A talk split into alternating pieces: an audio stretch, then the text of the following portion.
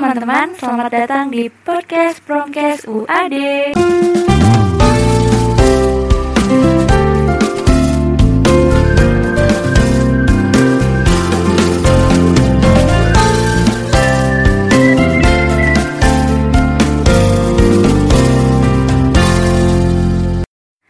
Di podcast ini, aku bakalan ngajak kalian berbincang-bincang mengenai informasi kesehatan dan permasalahan kesehatan yang sedang terjadi di sekitar masyarakat.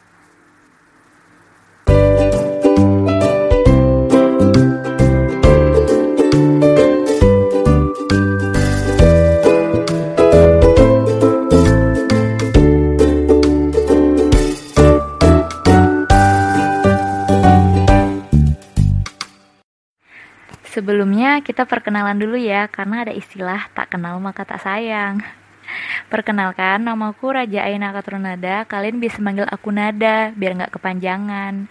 Aku sekarang sedang kuliah di Universitas Ahmad Dahlan. Sekarang aku duduk di semester 6 mau ke 7. Nah, aku ngambil fakultas eh, di Fakultas Kesehatan Masyarakat. Aku eh, konsentrasinya atau peminatannya di promosi kesehatan. Di episode kali ini, aku bakalan ngebahas tentang COVID-19 atau dikenal dengan virus corona. Karena si virus corona ini masih famousnya di telinga masyarakat. Apalagi kasusnya masih ada, khususnya di Indonesia. Maka dari itu, aku bakalan berbagi informasi kesehatan mengenai virus COVID-19 ini. Selamat mendengarkan dan enjoy this podcast!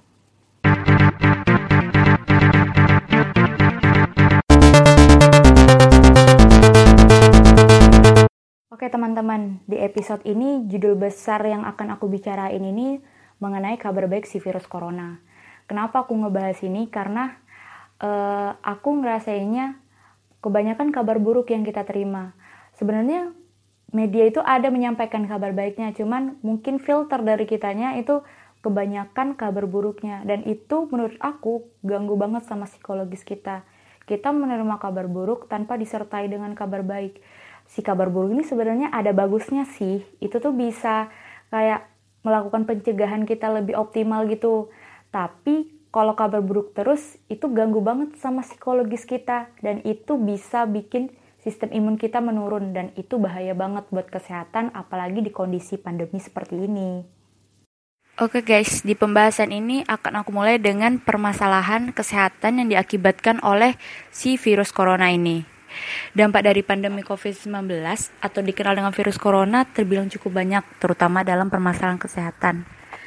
Permasalahan kesehatan di sini nih bukan hanya tentang penyakit, namun permasalahan kesehatan dari berbagai macam aspek. Apa aja sih aspeknya? Itu tuh ada aspek sosial maupun aspek ekonomi. Kenapa dikatakan begitu? Karena Pengertian sehat sendiri itu adalah kondisi yang menggambarkan tubuh yang terbebas dari segala penyakit ataupun gangguan fisik ataupun psikis. Nah, kenapa di sini fisikis termasuk? Karena seperti aku bilang tadi, itu ganggu banget di pikiran kita dan membuat sistem imun kita turun. Nah, aku tuh punya pengalaman uh, sebelum aku pulang kampung itu kan ada masa dua minggu itu dari kampus diliburkan karena waktu itu di Jogja emang ada satu kasus positif yang balita itu kalau nggak salah. Nah jadi selama dua minggu itu emang psikisnya emang keganggu banget. Contohnya gini, kan aku biasanya bangun tidur tuh tenggorokan emang sakit gitu kan dan harus minum air putih. Sebelum adanya si corona ini, waktu sakit itu aku biasa aja dan segera minum air putih gitu dan terus itu hilang. Tapi semenjak ada corona ini, itu kayak Parno ada apa tenggorokan sakit dikit tuh kayak aku kena corona kayak gitu. Padahal kan enggak. Dan itu juga posisinya aku nggak keluar aku nggak keluar aktivitas yang seperti biasanya kayak gitu. Kalau udah minum air putih hilang ya udah hilang gitu. Terus juga pengalaman lagi kalau misalnya bangun itu kayak apa ya e, bangun tidur tuh badan tuh kayak anget gitu. Badannya biasanya tuh biasa aja gitu. Tapi semenjak ada si corona itu tuh ngerasainnya kayak apa ya? Kayak karena demam sakit tenggorokan kan katanya uh, ini kan gejala-gejala kena virus corona. Tapi kalau dipikir-pikir aku tuh nggak ada keluar aku nggak ada keluar gitu. Itu kan nggak ada keluar aja aku separno itu gitu. Jadi per, uh, bes, ada hari apa gitu aku keluar buat beli bahan masakan. Biasanya nggak pernah kayak gitu kan. Biasanya beli aja gitu. Tapi sekarang tuh beli beli ini masak sendiri. Biasanya nggak pernah masak sendiri. Pasti beli gitu. Beli udah jadi. Nah jadi uh, waktu itu pas aku pergi ke swalayan udah kan udah pakai masker udah keluar situ pakai emang disediain hand sanitizer waktu itu pulangnya uh, udah cuci tangan apa-apa gitu. Terus besoknya kayak gitu lagi. Biasanya sih biasa aja kalau kita sakit tenggorokan. Kalau itu ganggu ganggu sih ganggu ke ganggu ke psikis kita gitu. Padahal biasa-biasa aja kan ya. Nah dan menurut kalau menurut Undang-Undang Republik Indonesia pun pengertian kesehatan adalah keadaan sejahtera dari badan, jiwa, dan sosial yang memungkinkan setiap orang hidup produktif secara sosial dan ekonomi.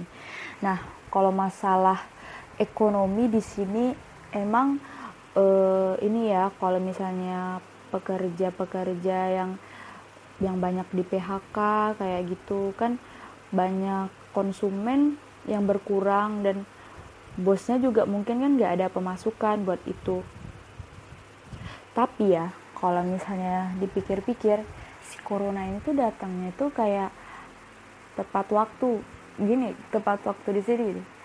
Banyak kan yang protokol kesehatan ya. Kita tuh disuruh uh, kita kita disuruh di, eh, kita disuruh kita diajarkan di rumah aja. Kemudian kalau mau pesan makanan juga pun kita bisa delivery gitu. Pokoknya kita jangan berkeliaran kayak gitu. Nah di masa ini emang aktivitas kita sekarang emang dimudahkan gitu. E, kalau kita mau makan kita bisa delivery sama ojek online kayak gitu. Bayang nggak sih kalau corona ini tuh datangnya itu pas kemarin yang uh, apa-apa tuh sekarang aja tuh serba online gitu. Mau beli apa-apa serba online kita di rumah aja uh, barang bisa nyampe ke rumah kayak gitu kan. Nah itu tuh uh, ini sih emang pas banget sama sama kehidupan sehari-hari kita emang kita ngejalaninnya gitu tapi mungkin uh, bedanya itu ada beberapa aktivitas yang memang tidak tidak bisa kita lakukan uh, kayaknya kayak yang kita nih uh, kuliah tuh pada non uh, nggak offline pada online gitu. Jika berbicara tentang penyakit pun virus corona tetap mengakibatkan kesehatan fisiknya terganggu karena sebagian besar kasusnya itu menyebabkan infeksi pernapasan ringan sampai sedang seperti flu. Nah makanya itu banyak orang yang flu. Itu tuh uh, dikiranya corona kayak gitu. Padahal kan nggak semua flu tapi kita tetap antisipasi. Seda, jangankan pas dia udah masuk ke Indonesia pas ada kemarin yang kejadian uh, yang di Wuhan ya yang pertama kali di kota Wuhan itu kita flu dikit aja itu tuh orang udah kira kayak padahal itu kasusnya belum masuk ke Indonesia apalagi pas masuk ke Indonesia orang pada parno sendiri sih tapi juga si virus ini uh, dia juga menyebabkan infeksi pernafasan berat seperti pneumonia. Kayak aku bilang tadi, nggak hanya fisik, tetapi tetap kesehatan mental karena kecemasan yang kecemasan dan ketakutan yang berlebihan. Rasa terasing selama menjalani karantina. Nah, itu mungkin banyak banget berita uh, orang yang kena virus corona itu ngerasa dikucilkan gitu. Dia padahal kan itu sebenarnya bukan aib itu kan sakit gitu. Tapi mungkin ini dari keresahan masyarakat juga takut tertular gitu. Dan yang dikucilkan itu bukan hanya orang yang emang positif corona tapi kayak seisi-isi rumahnya gitu loh. Padahal kan belum tentu yang seisi rumahnya itu kena virus corona walaupun memang mereka bagian terdekatnya. Kecemasan akan kebutuhan hidup sehari-hari kayak pedagang-pedagang yang apa ya pedagang ya kayak gitu. Pedagang kaki lima mungkin yang emang pendapatan besarnya itu ketika konsumen belanja di mereka. Apalagi yang mungkin nggak punya akses online kayak gitu mereka nggak bisa berjualan online e, terus itu uh, ini sih yang karyawan yang di PHK yang aku bilang tadi. Dan ditambah lagi mungkin akibat informasi yang simpang siur. Banyak banget kan ya berita hoax di di de, eh, pada saat pandemi ini.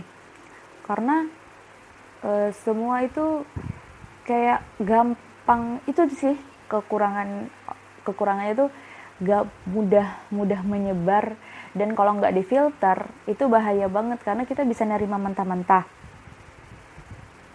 masalah sosial dan ekonomi yang tadi di masyarakat yang nggak aku bilang tadi itu kan uh, bisa menjadi masalah karena ada kebijakan seperti social distancing, physical distancing hingga PSBB yang di, atau pembatasan sosial berskala besar. Di mana sebagian masyarakat tersebut kehilangan pendapatan, tidak dapat bekerja untuk memenuhi kebutuhan hidup, terutama pada rumah tangga yang miskin dan rentan. Banyak sekali perusahaan yang melakukan pemutusan hubungan kerja pada karyawan karena daya beli dan konsumsi masyarakat menjadi turun.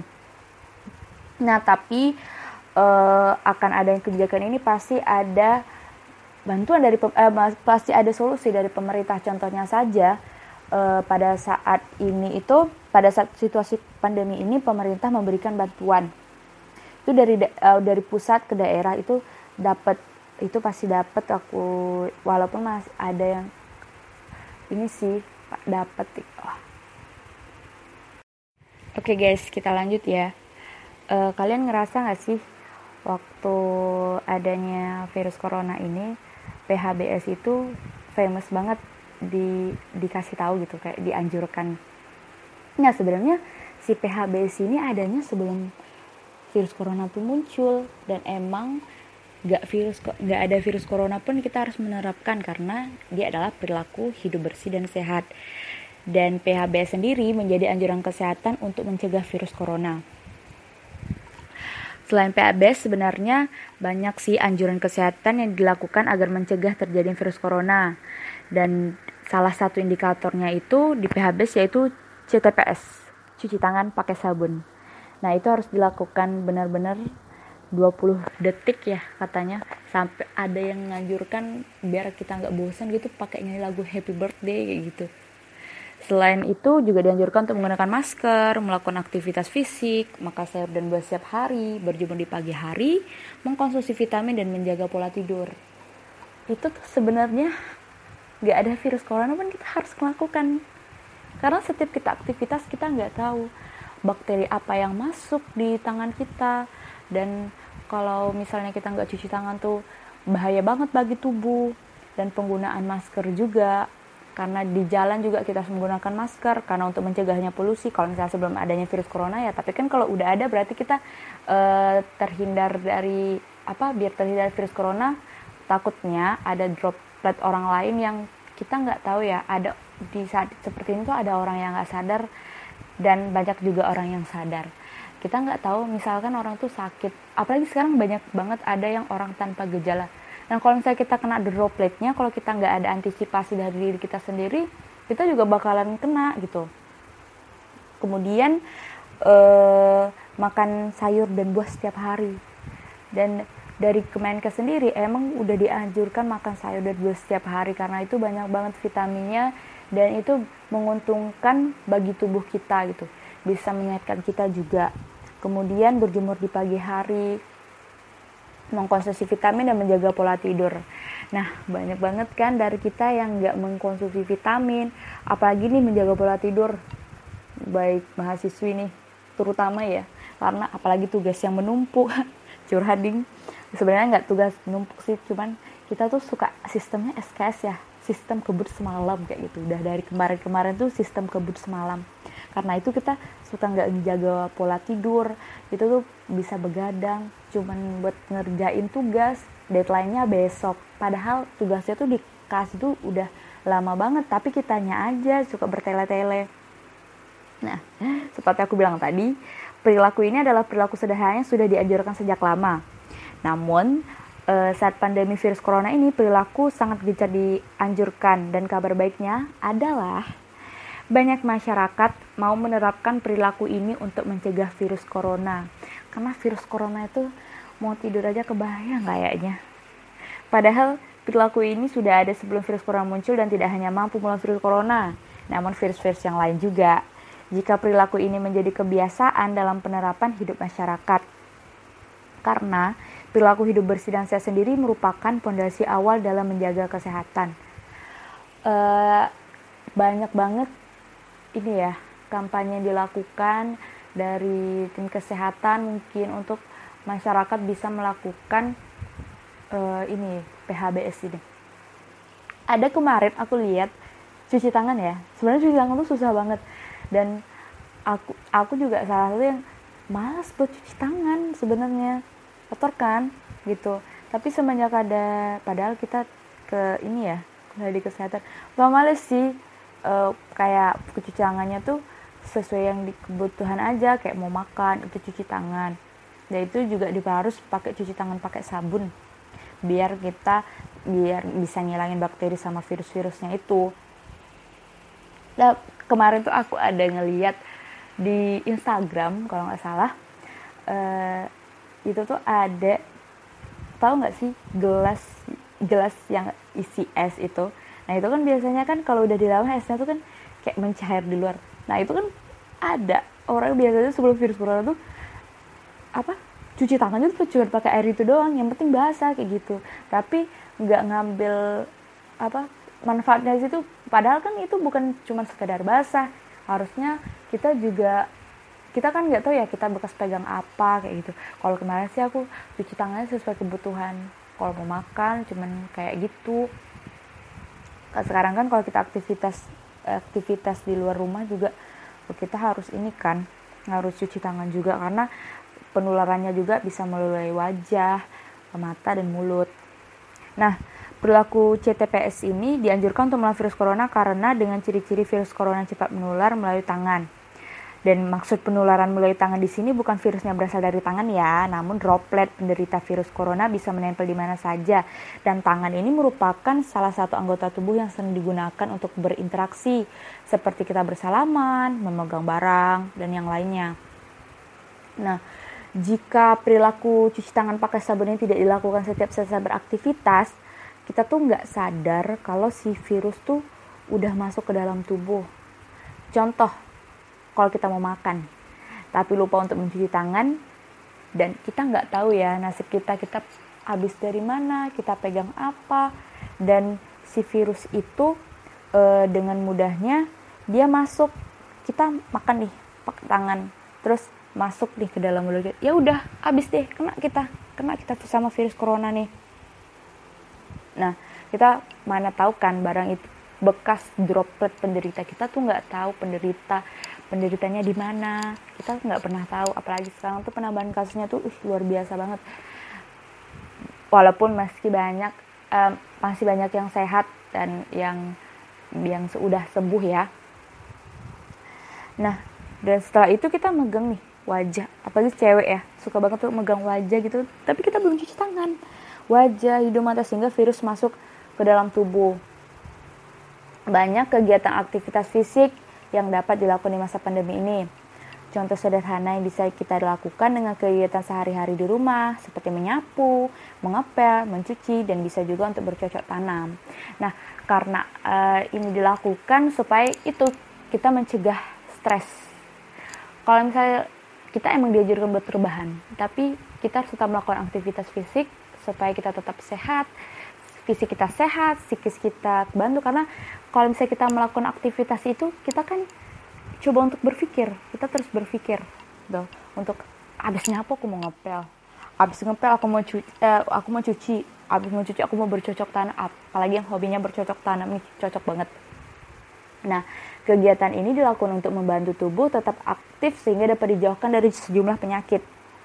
Selain itu, aktivitas fisik juga dapat mengurangi stres akibat berita tentang virus corona yang terus menjadi kecemasan masyarakat sehingga dapat membuat imun menjadi turut. Satu lagi, jangan lupa untuk makan sayur dan buah setiap hari untuk menambah asupan makanan yang bergizi bagi tubuh dan meningkatkan imunitas untuk melawan virus corona. Banyak banget kan di antara kita yang melupakan ini uh, makan sayur dan buah karena karena banyak sekali manfaatnya. Tapi ada orang, apalagi susah ya buat orang yang yang nggak mau makan sayur dan buah. Nah, orang yang nggak mau itu sebenarnya cuma sekedar nggak mau. Dia tuh bisa makan kalau asalkan dia mau. Pernah dengar kan orang yang sembuh dari virus corona tanpa di rumah sakit tetapi hanya melakukan karantina mandiri di rumah.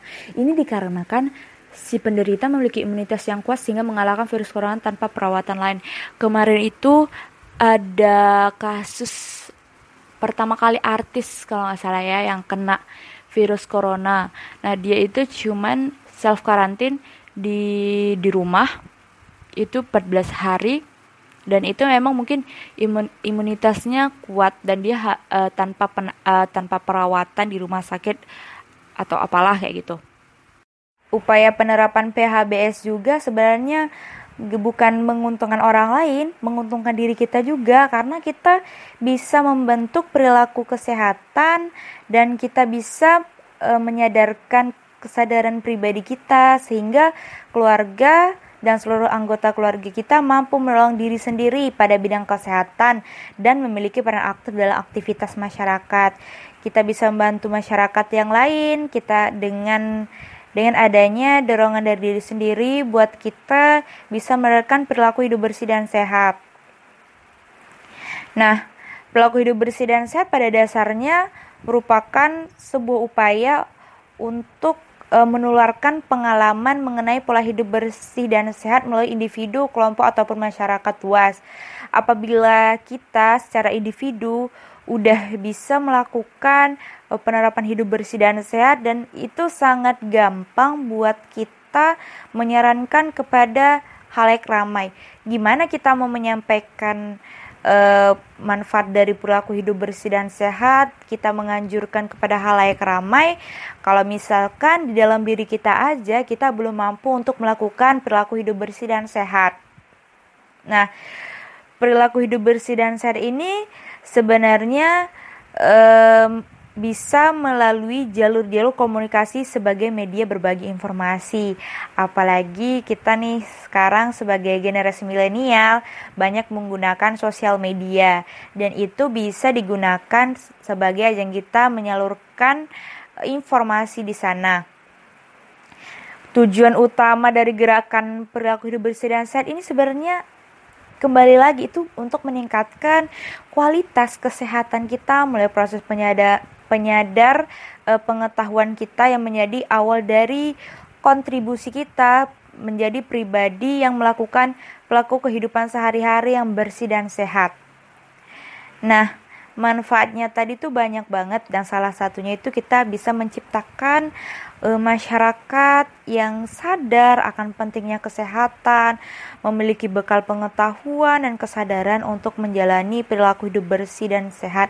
Nah, perilaku hidup bersih dan sehat ini sebenarnya bisa menjadi turun temurun dan ini merupakan kayak ini ya. E, perilaku yang bermanfaat banget, warisan yang bisa diterapkan ke anak cucu kita nanti dan warisan ini memang benar-benar susah untuk kalau misalnya bukan dari kita sendiri susah untuk diterapkan ke orang lain dan kita harus melakukan ini sebagai kebiasaan.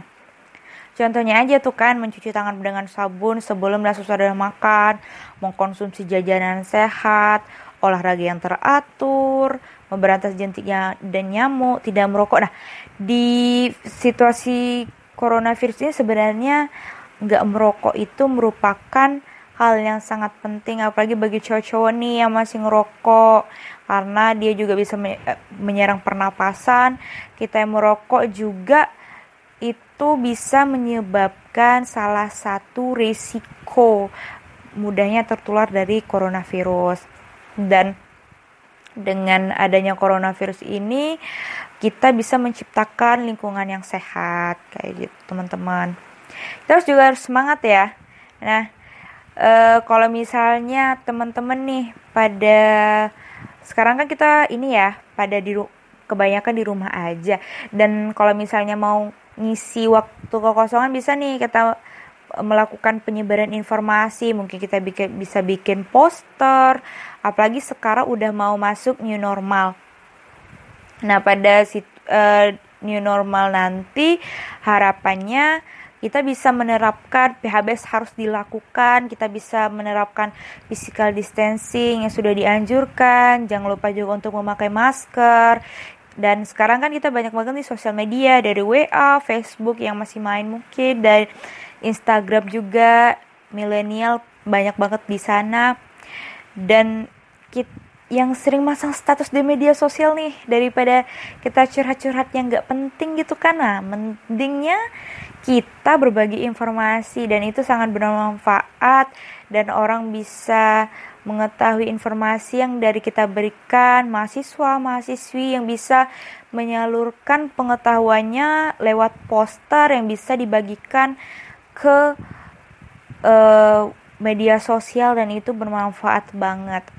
Dan itu sebenarnya menambah ini ya literasi kita juga. Dan kita kan sebelum mau bikin poster tuh kan kita kita harus membaca dulu kita harus uh, memilah dulu apa yang harus kita sampaikan kepada orang banyak. Karena itu dibaca dengan orang banyak dan itu bisa menambah pengetahuan kita masing-masing.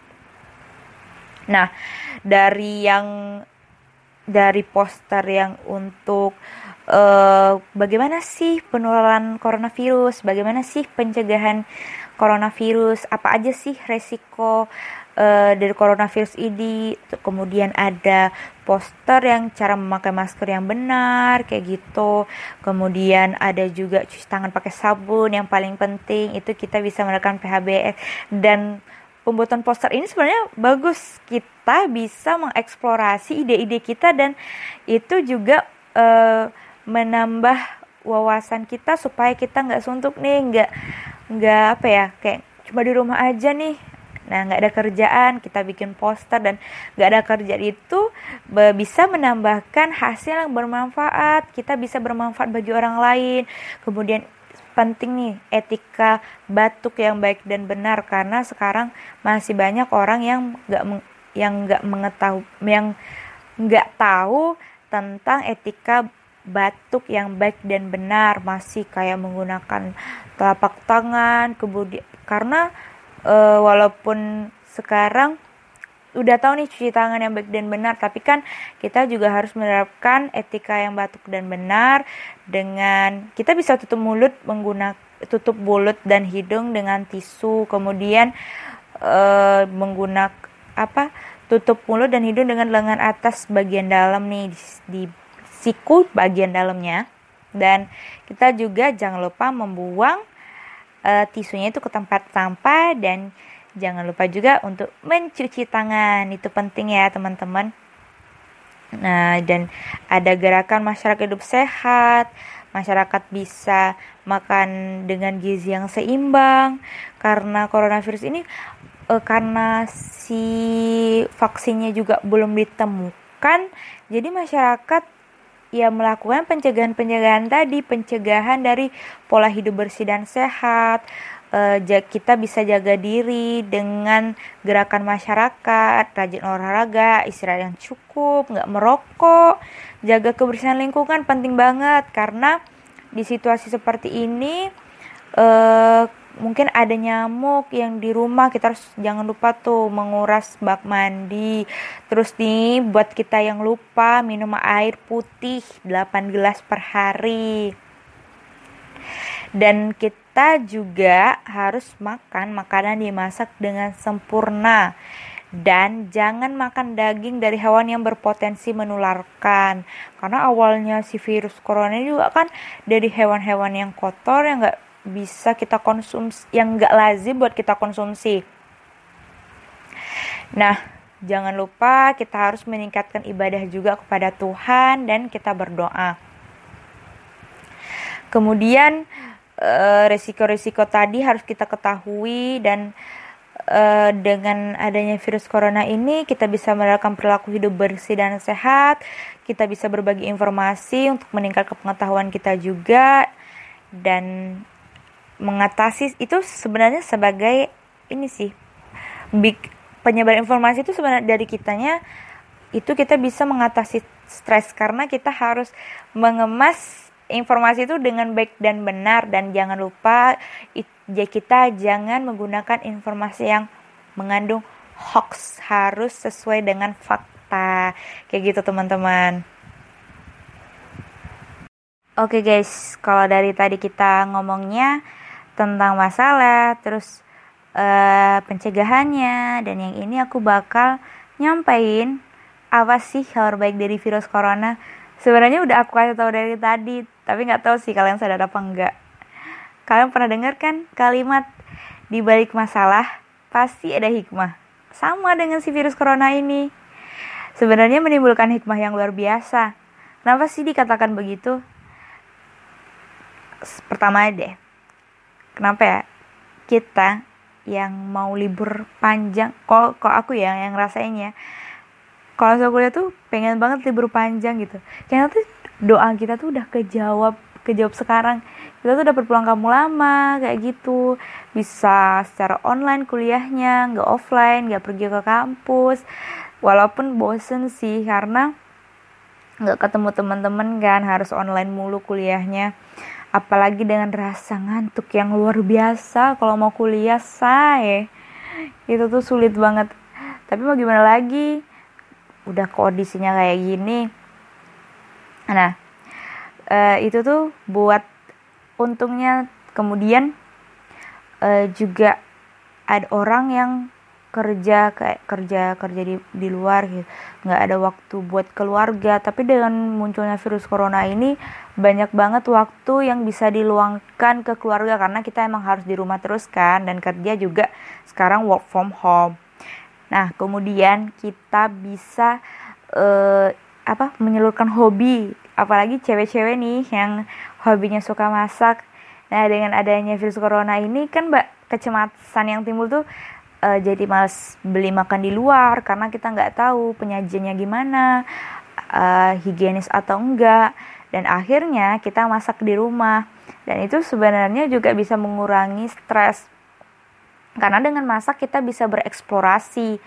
Uh, buat ibu-ibu juga nih yang kerja di luar, wanita-wanita karir dengan adanya virus corona ini ke rumah uh, buat mengeluangkan waktu buat keluarga yang biasanya mas yang masak beli ya yang masak beli salah ngomong kan aku yang makannya beli dan sekarang tuh bisa masak mungkin teman-teman yang mau mencoba masak tapi nggak bisa masak kita bukan nggak bisa tapi kebanyakan nggak mau dan males.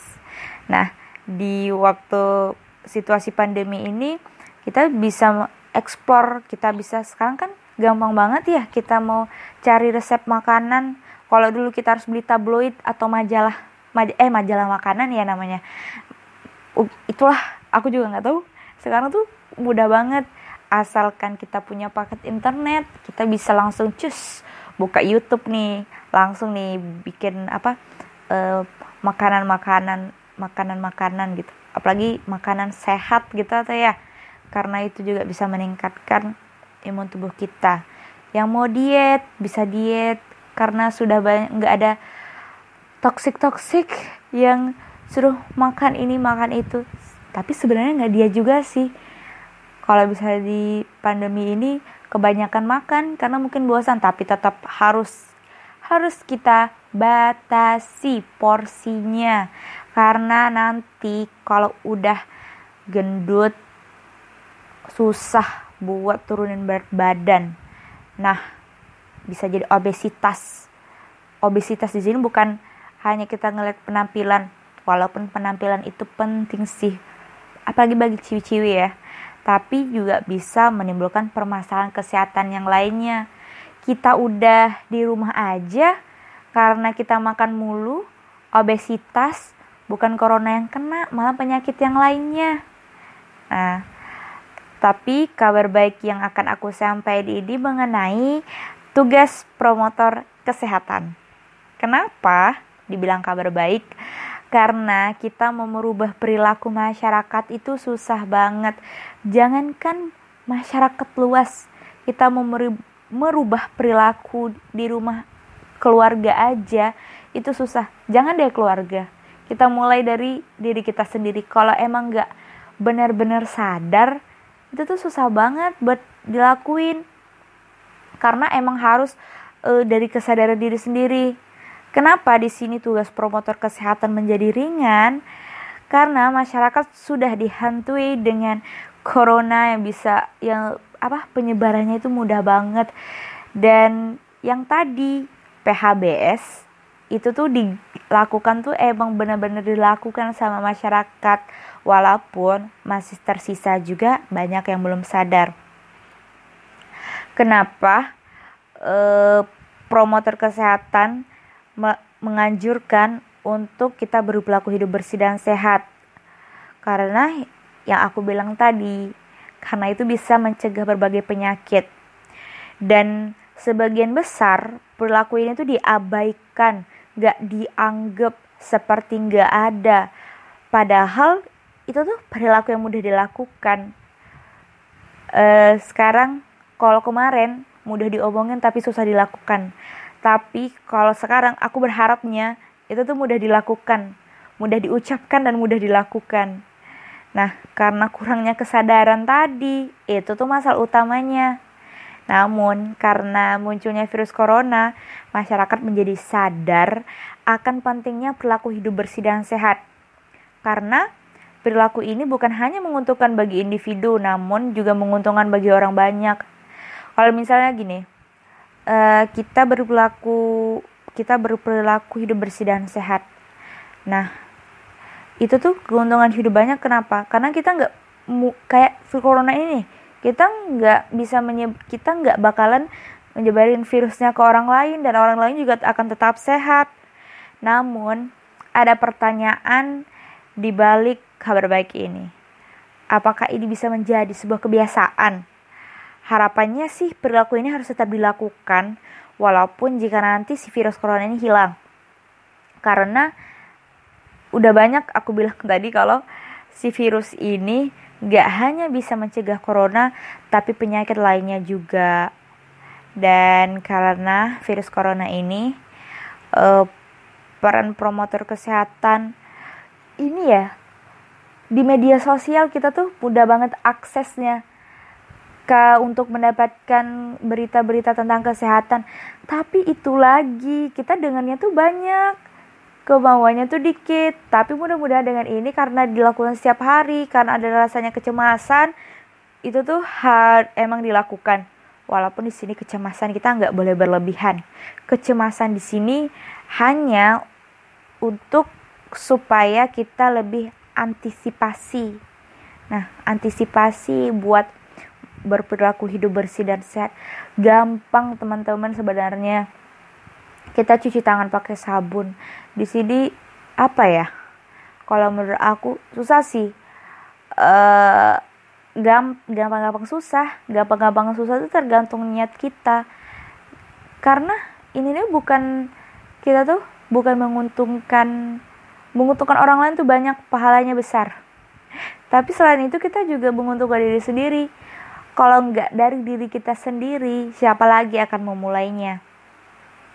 Terus eh, selain di media sosial juga eh, banyak sekali ya pamflet poster eh, di media sosial tuh udah apa udah udah bertebaran kayak gitu.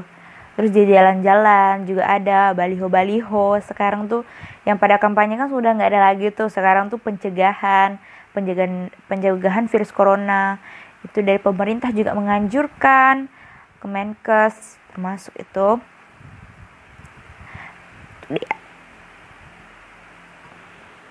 Nah, cuci tangan pakai sabun ini merupakan perilaku yang mudah dan yang paling penting nggak mahal teman-teman. Kita cukup gunain air yang mengalir sama kita gunain sabun. Perilaku CTPS ini juga kita untuk upaya membiasakan diri, membiasakan keluarga, baik ayah, ibu, kakak, adik untuk berperilaku hidup bersih dan sehat, terutama dengan membiasakan CTPS ini, cuci tangan pakai sabun. Nah, biar PHBS juga tertanam kuat di diri kita masing-masing dan kita juga melakukannya itu karena kebiasaan gitu.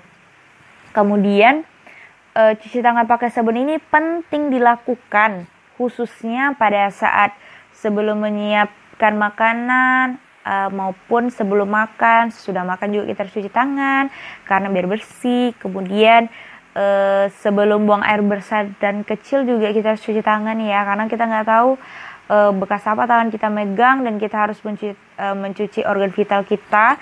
Kemudian sesudah buang air besar dan kecil juga kita harus cuci tangan. Kemudian ketika setelah bersin batuk, membuang ingus kita setelah pulang dari berpergian dan sehabis bermain atau memberi makan, memegang hewan peliharaan karena kita nggak tahu bakteri-bakteri apa yang ada di hewan-hewan tersebut. Dan yang paling penting nih, cuci tangan pakai eh, cuci tangan pakai sabun nggak hanya sekedar basah aja. Nah itu tuh dilakuin dengan uh, air yang mengalir dan gunakan sabun. Nah Sabun di sini juga nggak perlu sabun yang khusus antibakteri, namun lebih disarankan sabun yang berbentuk cairan. Kemudian gosok tangan kita setidaknya selama 15-20 detik dan bisa dianjurkan nih biar kita nggak bosan atau adik-adik kita nih kita mau membiasakan diri mereka itu bisa dilakukan dengan lagu uh, Happy Birthday kayak gitu. Uh, kemudian bersihkan bagian pergelangan tangan, punggung tangan, sela-sela jari dan kuku. Apalagi kuku-kuku yang panjang. Kalau bisa tuh kuku yang panjang itu harus dipotong karena kita nggak tahu bakteri apa yang masuk ke dalam kuku kita. Kemudian nggak lupa kita keringkan dengan handuk bersih atau alat pengering lainnya. Dan kita, paling penting nih aku yakin kita lupa dan jarang dilakukan termasuk aku juga dan ini juga sebagai pengingat diri kita harus gunakan tisu atau handuk sebagai penghalang ketika mematikan keran air, teman-teman. Hikmah di balik virus corona ini sebenarnya banyak banget ya. Selain kita membantu tugas dari promotor kesehatan juga, ini ada beberapa tempat fasilitas umum itu dibersihkan. Yang biasanya ramai pengunjung eh, itu bisa steril gitu.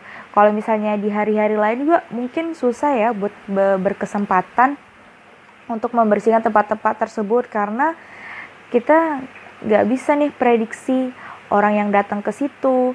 Hari minggu pun ya hari minggu orang weekend ya pasti datang ke situ. Dan hari kerja pun uh, banyak yang nggak nggak ini sih kayak nggak kondusif buat ngebersihin apa ngebersihin tempat fasilitas-fasilitas umum. Pasti ada aja orang kayak gitu kecuali mungkin hari-hari bes tapi uh, di balik virus eh di balik apa dampaknya dari virus corona ini fasilitas umum itu bisa bersih kembali terus juga mengurangi polusi udara karena banyak kendaraan yang nggak beroperasi orang pada di rumah aja kan.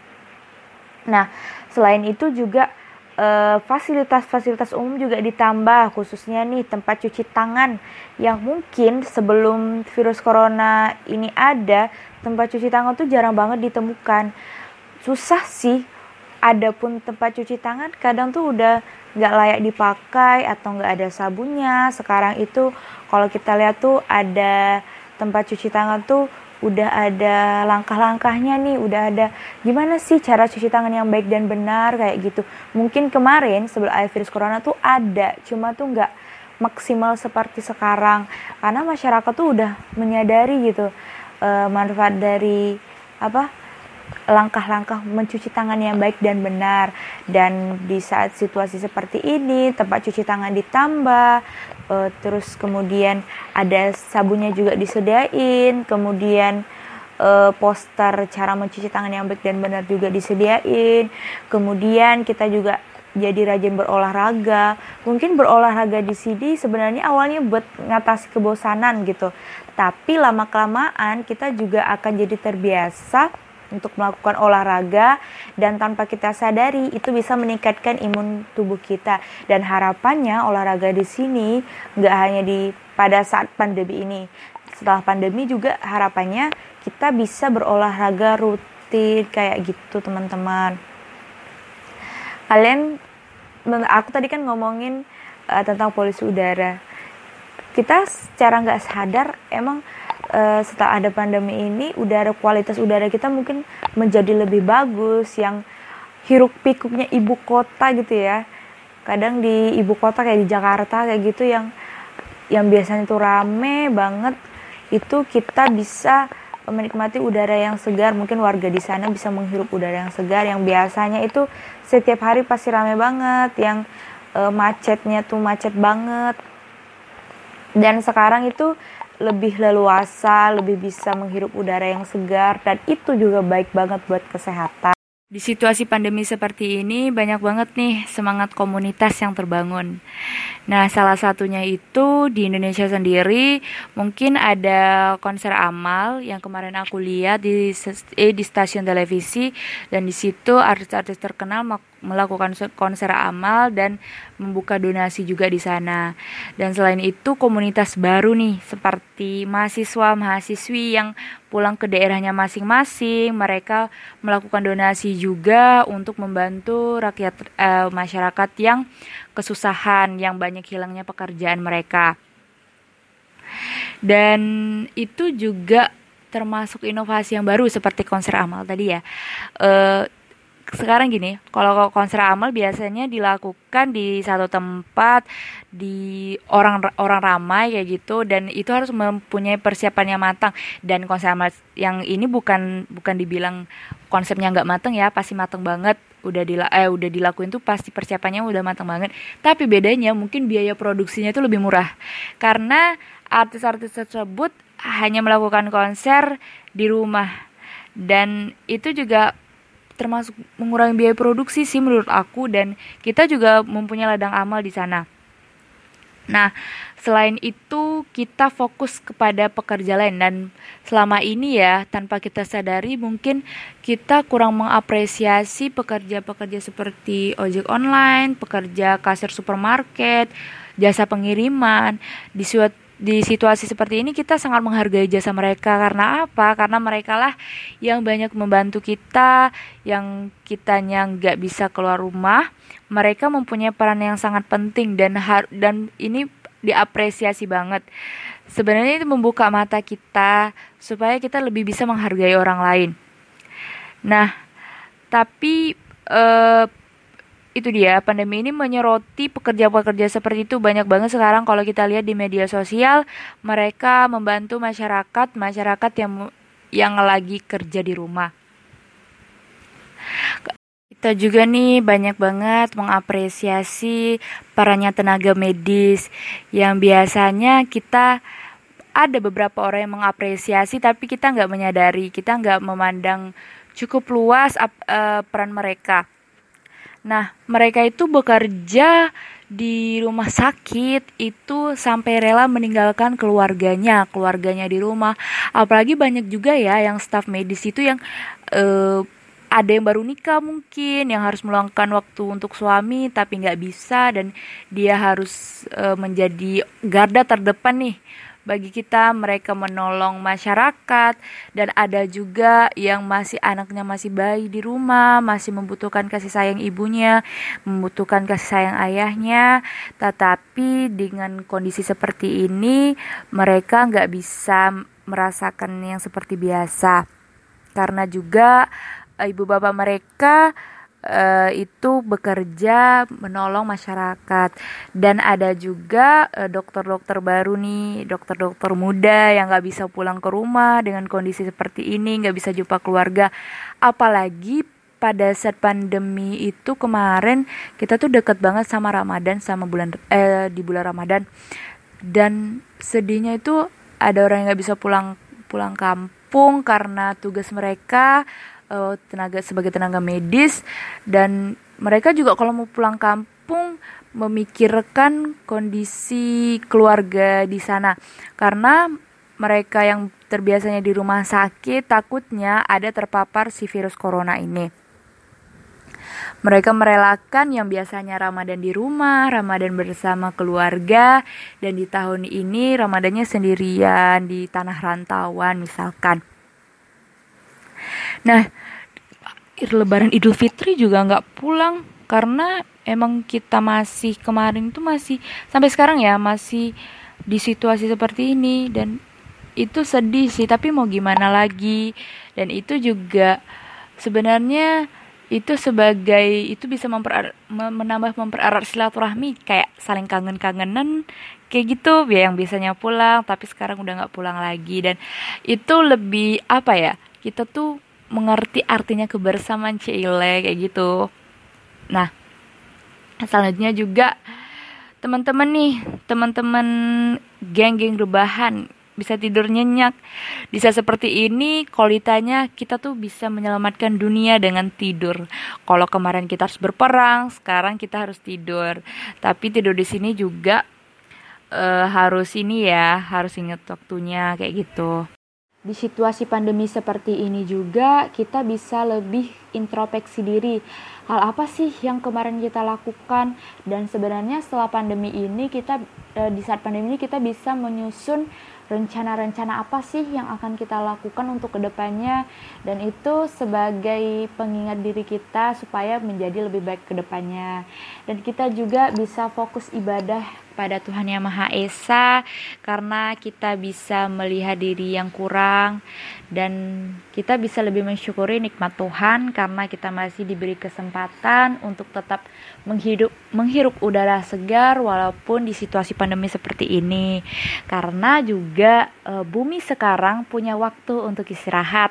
Lenggangnya jalanan polusi udara yang kurang menjadi e, waktu untuk bumi e, bisa beristirahat Nah, banyak banget yang dirasakan apalagi nih ya para pekerja-pekerja yang memang menghabiskan waktunya full time di kerjaan. Dan full time di sini ya tetap mereka balik ke rumah tapi balik ke rumah juga istilahnya cuma buat numpang tidur kayak gitu. Dan se apa sebagian hidupnya itu emang diserahkan untuk pekerjaan. Di situasi seperti ini mereka banyak meluangkan waktu untuk keluarga yang bagi mereka melaksanakan work from home.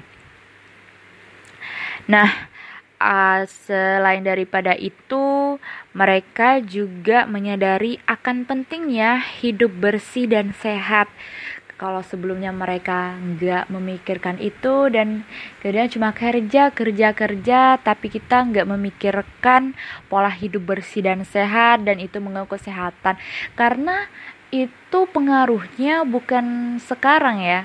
E, kayak kita ngerasain pengaruh dampak negatif kalau misalnya kita nggak memikirkan kesehatan di usia muda ini bu mungkin belum terasa tapi ketika kita udah tua nanti kita baru baru kerasa Nah, banyak orang yang uh, lebih memperhatikan kesehatannya karena merasa kekhawatiran. Dan ada juga yang ke kemarin itu berkesempatan buat pulang ke kampungnya masing-masing uh, yang jarang pulang bisa pulang dan mereka bisa kerja di rumah, bisa bertemu dengan keluarga kayak gitu.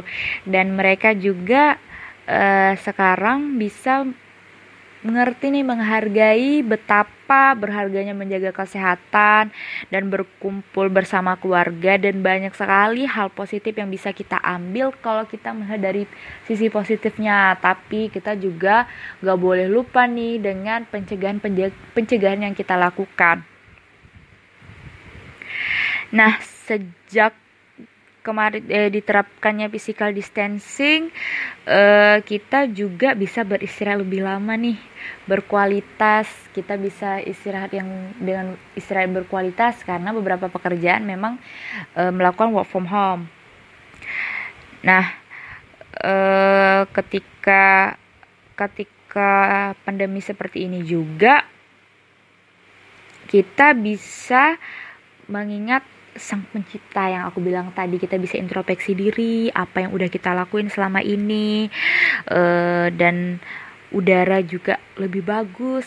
Kita mensyukuri sih nikmat yang Tuhan berikan kepada kita. Kita masih dalam kondisi yang sehat. Kita kan nggak bisa ini ya memungkiri bahwa uh, masih sekarang aja lonjakan pasien positif tuh masih banyak banget walaupun masih banyak-banyak juga yang udah sembuh dan juga ada juga yang meninggal kayak gitu. Namun di sisi lain masyarakat juga berharap kepada pemerintah untuk uh, menangani uh, eh, COVID-19 ini. Tapi kita di sisi ini kita nggak seharusnya ini ya uh, sepenuhnya kita serahkan ke pemerintah, kita juga sebagai masyarakat harus uh, mendukung nih, mendukung dari uh, penanganan yang dilakukan oleh pemerintah. Karena kalau nggak ada nggak ada dukungan dari masyarakat juga ini nggak akan berakhir kalau kita nggak peduli dengan situasi kondisi seperti ini kita, kita tetap nggak peduli kita tetap acuh nggak acuh kita masih ajak keluar sembarangan tanpa tujuan yang jelas kita nggak bisa membantu pemerintah dan situasi seperti ini nggak bakalan membaik nggak nggak apa ya akan terjadi terus menerus kalau kita nggak melakukan anjuran-anjuran dari pemerintah. Nah, di sini juga biar ada feedbacknya, pemerintah melakukan penanganan, me melakukan memberikan penanganan yang tegas, yang kita juga melaksanakan anjuran-anjuran yang diperintahkan. Dan masyarakat banyak berharap bahwa keputusan dari pemerintah itu yang paling tepat karena merekalah yang mengerti apa sih yang dibutuhkan oleh masyarakatnya. Ini juga ada harapan bisa menemukan vaksin yang tepat kayak gitu. Karena sampai sekarang vaksin dari corona ini juga belum bisa ditemukan, tapi yang paling penting adalah kita bisa e, menerapkan perilaku hidup bersih dan sehat selama di masa pandemi seperti ini. Dan harapannya itu bisa bertahan lama. Kalau misalnya corona ini juga hilang, kita bisa menerapkan PHBS. Karena yang saya ingin aku ingatkan lagi bahwa PHBS ini pentingnya itu bukan ketika ada corona aja.